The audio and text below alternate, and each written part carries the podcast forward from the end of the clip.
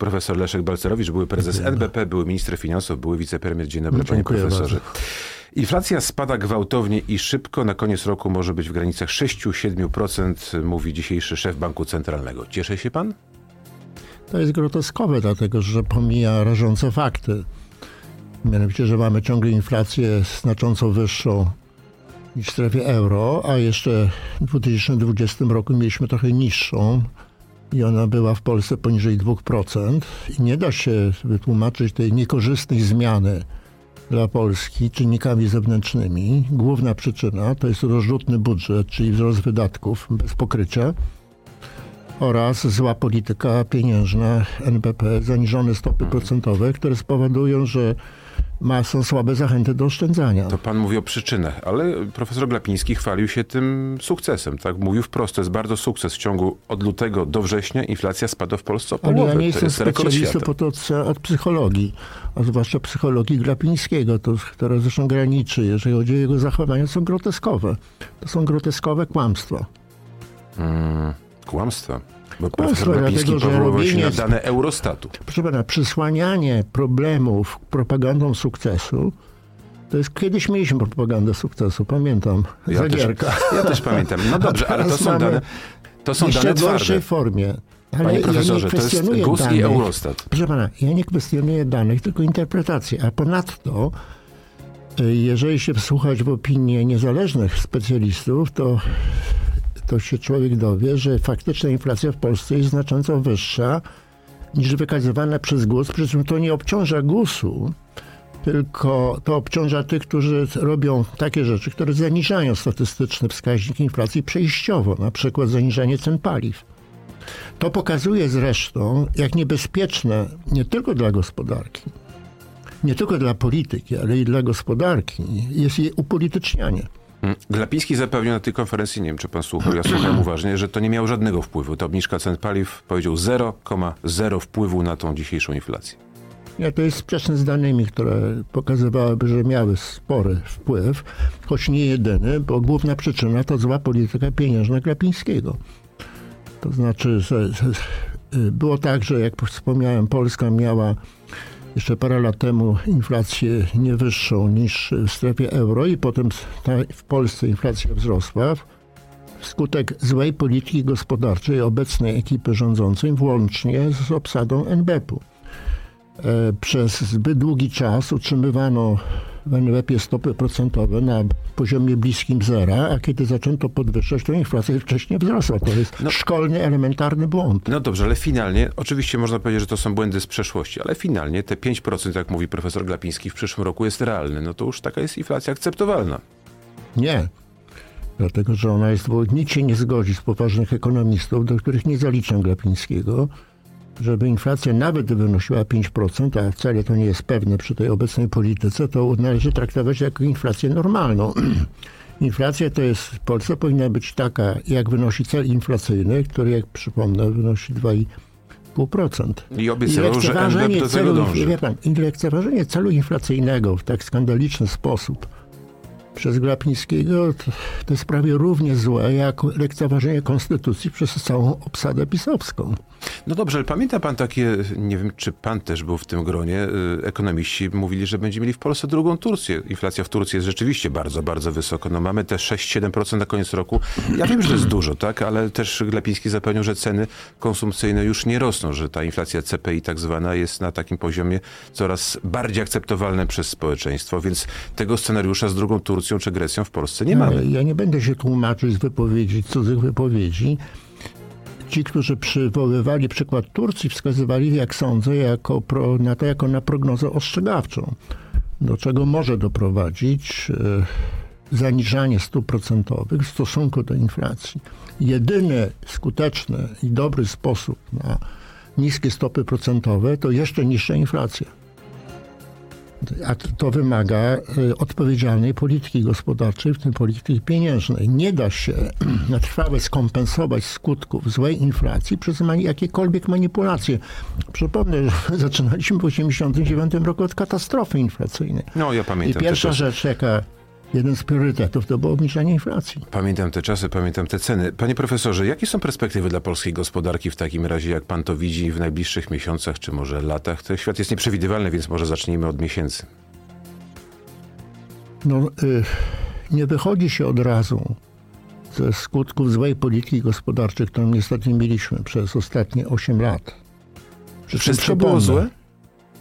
Y, ja przez złe rozumiem cofanie, regres ustrojowy, to znaczy cofanie Polski do ustro, w kierunku ustroju, którego szczęśliwie wyszliśmy w 1989 roku.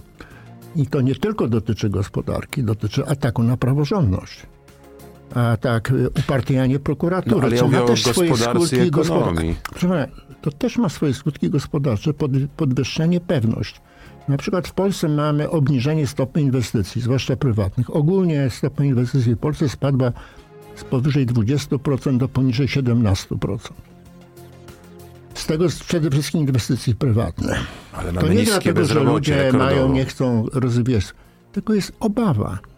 A jakie inwestycje nie spadły? Zresztą no, szczęśliwe. Inwestycje zagraniczne jako odsetek PKB. Dlaczego? Dla inwestorzy zagraniczni mają obrońców w formie swoich rządów inwestycje, inwestorzy polscy prywatni nie mają takich obrońców, bo mają rząd, obecny rząd, który wprowadza niepewność e, i masowe kłamstwo. A może ci inwestorzy przychodzą do Polski, bo tutaj po prostu jest dobry biznes, tak? Przychodzą, bo zarabiają. To jest może powód. A to zawsze tak jest. Ale Czyli rząd daje im takie możliwości. Nie rząd. Bo gdyby pan, e, to co w Polsce Polski powstało rząd. po 1989 roku, przecież to nie jest zasługa obecnego rządu to, to, to są wszystkie poprzednie rządy. Natomiast oprócz, e, oprócz perspektyw zarobienia, co jest normalne dla inwestycji prywatnych, to jest kwestia niepewności. Jak powiedziałem, w przypadku inwestorów krajowych, prywatnych, to oni odczuwają niepewność stworzoną przez obecny rząd. Inwestycji zagraniczni mhm. mogą mieć przekonanie, że ich rządy ich obronią przed polskim rządem. Panie profesorze, pan mówi, że wszystko jest źle, ale profesor Ja Glapiński nie powiedziałem, proszę pana, że wszystko jest źle, tylko odpowiadałem na konkretne pytania. W ciągu tych lat od 2016, no to już prawie będzie 7 lat, PKB Polski wzrósł o 1 trzecią. No to jest rzeczywiście imponująca wartość. Tak, tak samo jak Zagierka. Co pan należy pamiętać, jeżeli nie chce się dać oszukać takim wypowiedziom, że przed, od rozpoczęcia danej polityki gospodarczej, dobrej czy złej, w tym wypadku złej, do momentu ujawnienia się jej skutków mija zwykle parę lat. I akurat te skutki się ujawniają. Jakie? No, że mamy e, recesję najgłębszych spadków w Europie. I to nie tylko koniunktura zewnętrzna, to odroczone skutki złej polityki gospodarczej, cofania Polski do poprzedniego ustroju. Mamy bardzo wysoką na tle Europy inflację. Mamy podwyższone podatki jako odsetek PKB wskutek wzrostu wydatków, przy czym te zwiększone wydatki przypadły głównie na wydatki socjalne, w tym emerytalne, bo obniżono wiek emerytalny.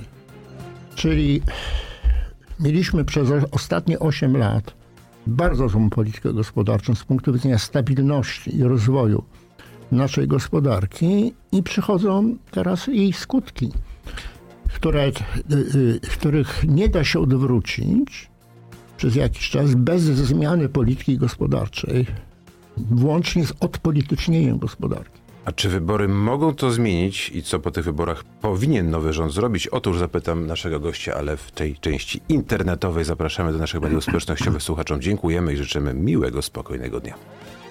Bardzo. Przypomnę, Leszek Balcerowicz jest naszym gościem. Panie profesorze, mm, zacznijmy właśnie od tej kampanii wyborczej. Ostatnia prosta. Dziwi pana trochę fakt, że mało które ugrupowanie tak mocno stawia w swojej tej kampanijnej całej trasie, przemówieniach, konferencjach na gospodarkę. Właściwie niewiele słyszymy o tym, jakie powinny być podatki, czy państwo powinny być bardziej socjalne, czy liberalne. Takiego sporu chyba nie ma. Znaczy, zgadzam się z pana obserwacją i jeżeli próbuję to jakoś wyjaśnić, to może tym, że E, politycy opozycji sądzą, że gospodarka jak na razie wbrew polityce PiSu jest w niezłym stanie i że tu nie ma pola do nośnej krytyki skupiają się na innych rzeczach, może które rzeczywiście są bardziej nośne, choć niekoniecznie ważniejsze. Ordynarne nadużywanie mediów publicznych, e, deprawacja która zaszła w prokuraturze, próby przejmowania sądów, to rzeczywiście są bardzo drastyczne rzeczy, wykraczające poza gospodarkę, chociaż na nią też wpływają. No tak, ale jeśli by spojrzeć przez pryzmat kieszeni Kowalskiego, który mieszka w jakimś no, takim niedużym mieście, inflacja no, jest wysoka, ale już jest coraz niższa. Bezrobocie jest niskie, emerytury 13, 14 są, inne dodatki też są, więc może sytuacja gospodarcza Polaków nie jest na tyle zła, żeby rzeczywiście politycy się bili o ich serca i dusze w tym, w tym zakresie. Być może mają tam, takie kalkulacje, ale przypomnę, że u schyłku epoki Gierka wszystko wydawało się fantastycznie. Potem Rzeczywiście mamy dzisiaj powtórkę epoki Gierka? Nie z tego samego powodu. Y, w tym sensie, że za czasów Gierka mieliśmy narastające zadłużenie zagraniczne, a potem przyszedł czas zapłaty. Ja akurat będąc w rządzie Tadeusza Mazowieckiego negocjowałem na szczęście z powodzeniem redukcję tego długu zagranicznego o połowę, ale mi chodzi o to, że pewne złe czynniki, w tym przypadku cofanie ustrojowe w kierunku wzrostu wpływu polityków na gospodarkę, przecież mieliśmy po raz pierwszy w 1989 roku za czasów PiSu nacjonalizację. Mieliśmy obajtków, to jest, czyli nominatów politycznych, którzy kierowali czy kierują dużymi częściami polskiej Ale gospodarki. Ale zawsze po 89, panie profesorze, tak było, że te duże spółki Skarbu Państwa były obsadzane przez ludzi mniej lub bardziej związanych z polityką. Nie, przede wszystkim bylibyśmy Białorusią, gdyby nie było rosnącej prywatyzacji gospodarki, czyli wzrostu udziału sektora prywatnego. To się stało nie tylko dzięki temu, że spontanicznie rósł sektor prywatny, ale również dzięki przekształceniom własnościowym. Y, ludzie, którzy mają jakiś dystans do słowa kapitalizm, ja używam wyraźnie gospodarka rynkowa, powinni sobie uświadamiać, że bez kapitalizmu nie ma demokracji. Każdy socjalizm, czyli ustrój zdominowany przez własność no, państwową, no, jest dyktaturą. Ale mamy w Polsce wpisane w konstytucję, tak, nawet ten system gospodarki społeczno-rynkowej. Ale nie szkodzi, to jest gospodarka rynkowa. W Niemczech też mówi się socjale Marktwirtschaft i mamy tam niezłą gospodarkę kapitalistyczną. Ale skoro powiedział pan o tych spółkach dużych i ich ewentualnej sprzedaży lub prywatyzacji, to będzie też jedno z tych pytań referendalnych. Jak profesor Leszek Balcerowicz zagłosuje? Tym ja referendum? Przede wszystkim uważam, że to referendum jest e, ordynarnym nadużyciem, które trzeba zbojkotować. Serio? Używanie słowa, proszę pana, używanie słów naładowanych emocjonalnie to jest prymitywna manipulacja albo próba wyprzedaż. No przecież to jest naładowane negatywnymi emocjami no to jak wyrażenia. pytanie, żeby... W ogóle nie powinno e, wykorzystywać wyborów do łączenia go z ordynarnie manipulatorskim referendum. No ale mieliśmy też 8 lat temu w wyborach prezydenckich przed drugą turą też pytanie referendalne łączone z właśnie z wyborami. Ale chodzi o pytanie, a nie chodzi o łączenie. Poza tym referendum trzeba używać oszczędnie. Przystąpienie, konstytucja, tak? Referendum, to jest zrozumiałe przystąpienie do Unii Europejskiej, ale to mamy do czynienia z ordynarną partyjną manipulacją. Czyli pan nie pójdzie, nie zagłosuje, a tym, którzy by chcieli pójść, co pan by doradzał w tej kwestii tego pierwszego pytania właśnie Razem o sprzedaż? zbojkotować ordynarną manipulację. A pytanie o wiek emerytalny? Nie będę tutaj się wypowiadać, bo to może być nadużyte. Powiem tylko tyle, że za, za wszystko się płaci. Tak? Jeżeli mamy obniżony wiek emerytalny, to są zwiększone wydatki. No i niech ludzi, ludzi trzeba zawsze stawiać przed wyborem, żeby nie było iluzji, że politycy dają jakiekolwiek prezenty. Oni mm. nie dają żadnych prezentów, bo dają prezenty z kieszeni podatników. Bo nie ma też prezentów za darmo. To też nie, chyba no, jedna z zasad ekonomii. O to e, chodzi. E, Donald Tusk e, absolutnie zapewnia, że nie podnieśli, jeśli zostanie premierem wieku emerytalnego, czyli wycofał się z tej swojej takiej tej reformy, no może trudnej, bolesnej, ale jednak chyba liberalnej. Zawiódł pana? No ja biorę pod uwagę to, że wszystko, co powie się w kampanii wyborczej, może być jaskrawo nadużyte przez obecnie rządzących. I, I, to traktuję jako uzasadnienie jego wypowiedzi. E, a jak pan by widział przyszły rząd? Taki rząd marzeń Leszka Balcerowicza. Kto powinien być ministrem finansów?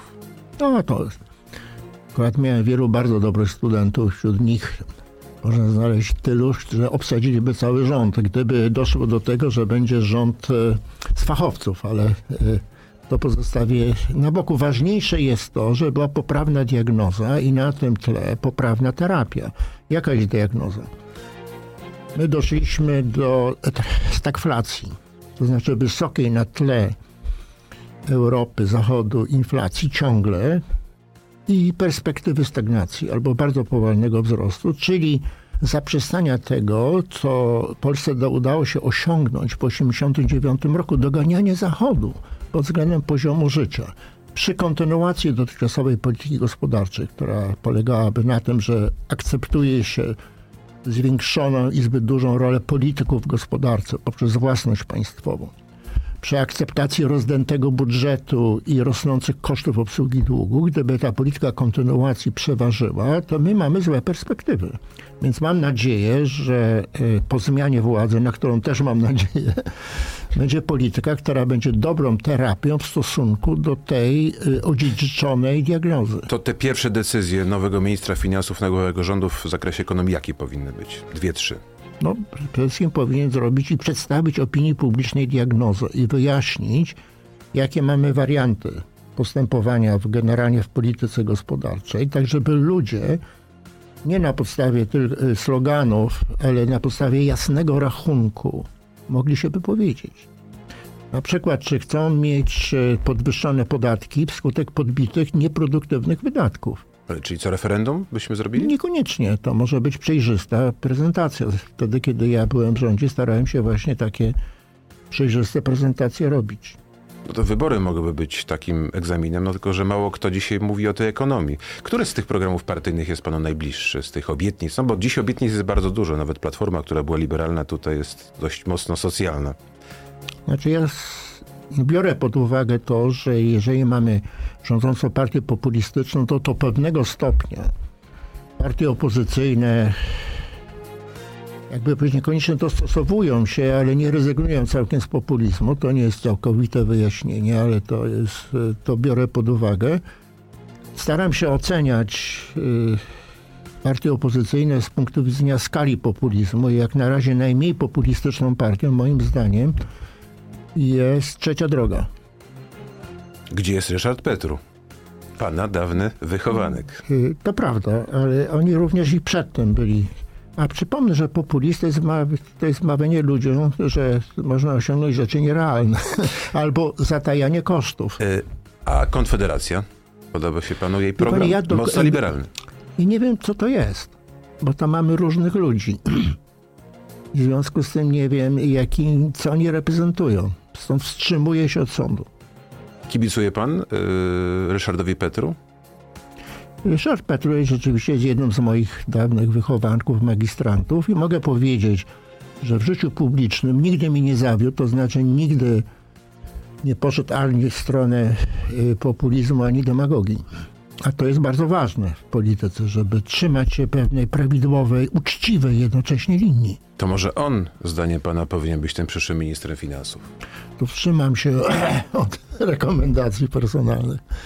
To wrócę do tego jeszcze programu gospodarczego tych partii. Dlaczego, jak pan myśli, jest tak, że, że partie dzisiaj nie rozmawiają ani o podatkach, ani o y, długu publicznym, ani o perspektywach jego zmniejszenia, tak jakby to było w ogóle nieistotne?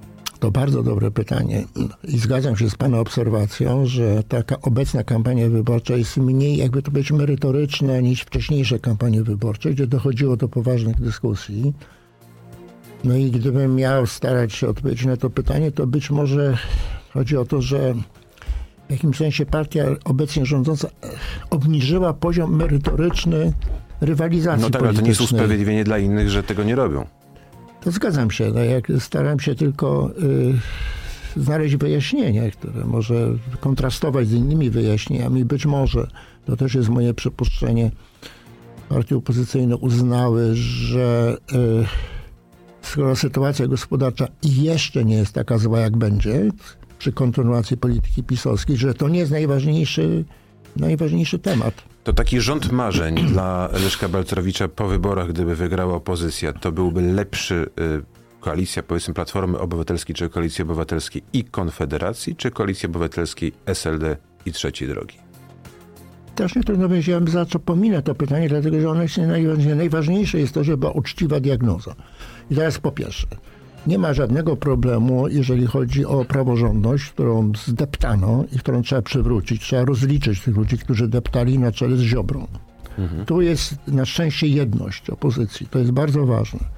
Co do gospodarki, no to tak jak staram się powiedzieć, diagnoza powinna polegać na tym, że pokazujemy, co w tej gospodarce zrobiono złego, wzrost wpływów polityków na gospodarkę i na tym tle w świetle fachowej wiedzy, której jest dużo, przedstawiamy program naprawy, to znaczy program przywracania stabilności polskiej gospodarki i rozwoju, tak żebyśmy nie ugrzęźli na poziomie 60-70%, 70% dochodu w krajach e, na głowę w krajach e, bogatych. Unika pan troszeczkę odpowiedzi jasnej, kto byłby najlepszym, zdaniem pana, ministrem finansów w przyszłym no, rządzie. No nie daje rekomendacji e, personalnych. No to spytam, czy Adam Glapiński powinien po wyborach dalej pełnić funkcję szefa NBP? Czy... pan, gdyby były jakiekolwiek możliwości konstytucyjne, żeby go usunąć, to bym natychmiast za tym, dlatego że to jest, on kompromituje. Po pierwsze prowadzi szkodliwą politykę, przez jemu zawdzięczamy podbitą inflację, a nie czynnikom zewnętrznym głównie. Po drugie kompromituje ten urząd e, swoimi wystąpieniami, które są po prostu groteskowe. Pan mówi o konstytucji, ale Donald Tusk jakiś czas temu nawet mówił o takiej możliwości siłowego wyprowadzenia między innymi właśnie takich ludzi jak szef NBP. Tego nie jestem w stanie skomentować. E, e, natomiast uważam, że postępowanie opozycji powinno być zgodne z konstytucją. Czyli powinien pełnić jeszcze przez. Tego nie wiem. Jeżeli byłyby jeżeli rzetelni konstytucjonaliści wskazaliby na możliwości zgodnego z konstytucją usunięcia Glapińskiego, jednego z największych szkodników w polityce gospodarczej po 1989 roku, to byłbym za tym. Powinien stanąć przed Trybunałem Stanu? Izabela Leszczyna coś takiego kilka dni temu powiedziała w wywiadzie bardzo już oficjalnie. To nie, to nie tylko on, jeżeli chodzi o Trybunał Stanu. A może także zarzuty kryminalne y, do, do, powinny być rozważone w odniesieniu do tych, co nadużywali władzy, no, Platforma w swoim programie konstytucję. Ma cały zbiór ludzi, którzy powinni jej zdaniem stanąć przed Trybunałem Stanu. To jest także prezydent Andrzej Duda. No bez jego zgody na szkodliwe i niekonstytucyjne ustawy, one my nie wchodziły w życie. Ale widzi pan Trybunał Stanu dla Adama Glapińskiego? Y, jeżeli tylko to jest konstytucyjne, to zdecydowanie tak, oczywiście. Kto powinien to ocenić, czy to jest konstytucyjne, czy nie? Trybunał Konstytucyjny, ale, ale trzeba przewrócić. zdaje się, że profesor Julia Przyłębska, Julia Przyłębska tak, też chyba ma stanąć przed Trybunałem Stanu. No to już nie wiem, kto będzie to oceniał. Ale na szczęście mamy y, grupę dobrych prawników, konstytucjonalistów, za których nie będę się wypowiadać w tej chwili, ale na których pod, na podstawie ich ekspertyz, mam nadzieję, będą postępowali politycy opozycji po wygranych, mam nadzieję, wyborach. Ostatnie pytanie na sam koniec, bardzo istotne, myślę, że szkoda, że tak mało czasu zostało od słuchaczy. Kredyt 2% mieszkaniowy dla młodych ludzi bardzo istotna rzecz. On jest tak bardzo popularny, że prawdopodobnie zabraknie tych możliwości już w przyszłym roku, a zarazem bardzo mocno wzrosły ceny mieszkań. Czy jest jakiś złoty środek? Co zrobić? Ale żeby... dlaczego wzrosły ceny mieszkań? Bo sztucznie zwiększono popyt na mieszkanie przez kredyt 2%. Trzeba widzieć zjawiska. W związku z tym skutki tego niby darmowego, ulgowego kredytu zostały unieważnione przez ten sam kredyt. No ale Platforma jedyny, oferuje 0%, pana, jedyny, to będzie jeszcze gorzej. Jedyny, zgadzam się, jedyny y, skuteczny i jednocześnie uzasadniony ekonomicznie sposób to sprowadzić inflację do niskiego poziomu, tak żeby można było odpowiedzialnie mieć niskie stopy procentowe. Czyli dopóki nie będzie inflacji na poziomie 2,5, nie ma co mówić o kredycie 2%, który byłby bezpieczny dla rynku, tak? I bezpieczny również dla tych, co zaciągają, dlatego że nie, y, nie prowadziłby taki sztuczny, sztucznie tani kredyt do wzrostu ceny mieszkań. Leszek Balcerowicz, dziękuję panie profesorze dziękuję za diagnozę, bardzo. za rozmowę i za wizytę w naszym studiu. Dobrego dziękuję. i spokojnego dnia i dla pana, i dla państwa. Dziękuję.